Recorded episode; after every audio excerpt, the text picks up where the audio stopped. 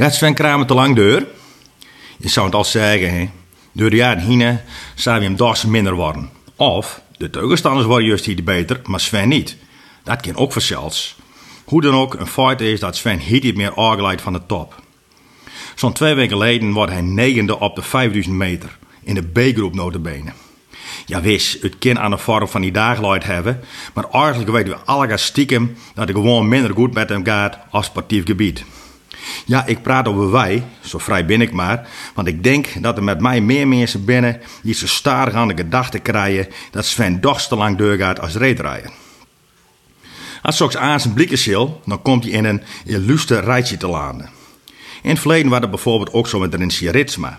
Al had hij dat zelfs altijd ontkend. Sterker nog, hij wordt daar zuiver een keer lelijk over.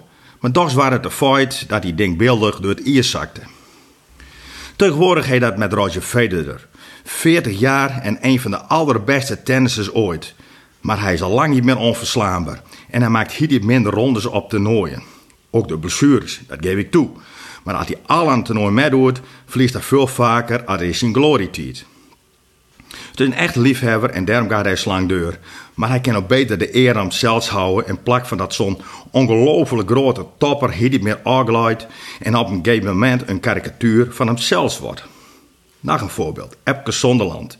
En dit vind ik een heel duidelijk voorbeeld. Ik hoef er verder ook niks aan toe te voegen. Waarom de Sven? Zelfs ik niet in het hoofd van Sven kijken. Maar als je al zo lang metrijdt en zo'n prot won hebben, waar moet je daar nog voor doen? Om nog meer te winnen, ja. En de Olympische Spullen is zelfs een drie vier geweest om er nog een jaar vast te plakken. Een jaar te lang dus, vind ik. Al hoop ik zelfs dat hij een medaille wint, want ik mag Sven wel laaien. Hij neemt nooit een blaad voor de mond. Maar we moeten de realiteit ook onder ogen zien. Het jongere eind is een verbaarheden. Nou nog figuurlijk, maar laat het niet letterlijk worden. En ja wist, zelfs hoop ik dat ik ongelijk krijg. Maar topsporters kunnen en magen al in de 30 of 40 ophouden. Wij, als werkenden, moeten namelijk verplicht heel lang doorgaan. Voor veel trouwens ook wel eens te lang. Als je zo bekijkt, dan hebben de topsporters het beter voorlander als wij. Hun sportperiode is een stuk korter als onze werkloopbaan. Wij moeten, als de teugen zit, 40 jaar werken. Daarvoor krijgen wij geen medaille of geen topsportsalaris. Zij magen en moeten op een gegeven moment wel ophouden.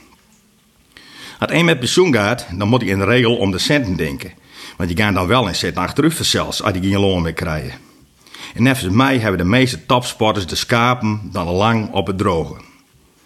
En tja, voor ons geen grote afscheid van het werkzaam leven, zoals bij een topsporter het geval is. Maar de afscheidsreceptie krijgen pak een beet een biljetkeu in de hand drukt, zodat je de laatste jaren van het leven nog in de bejaardensoos een balletje wegstoren kunnen. En nee, dat is zeker geen topsport.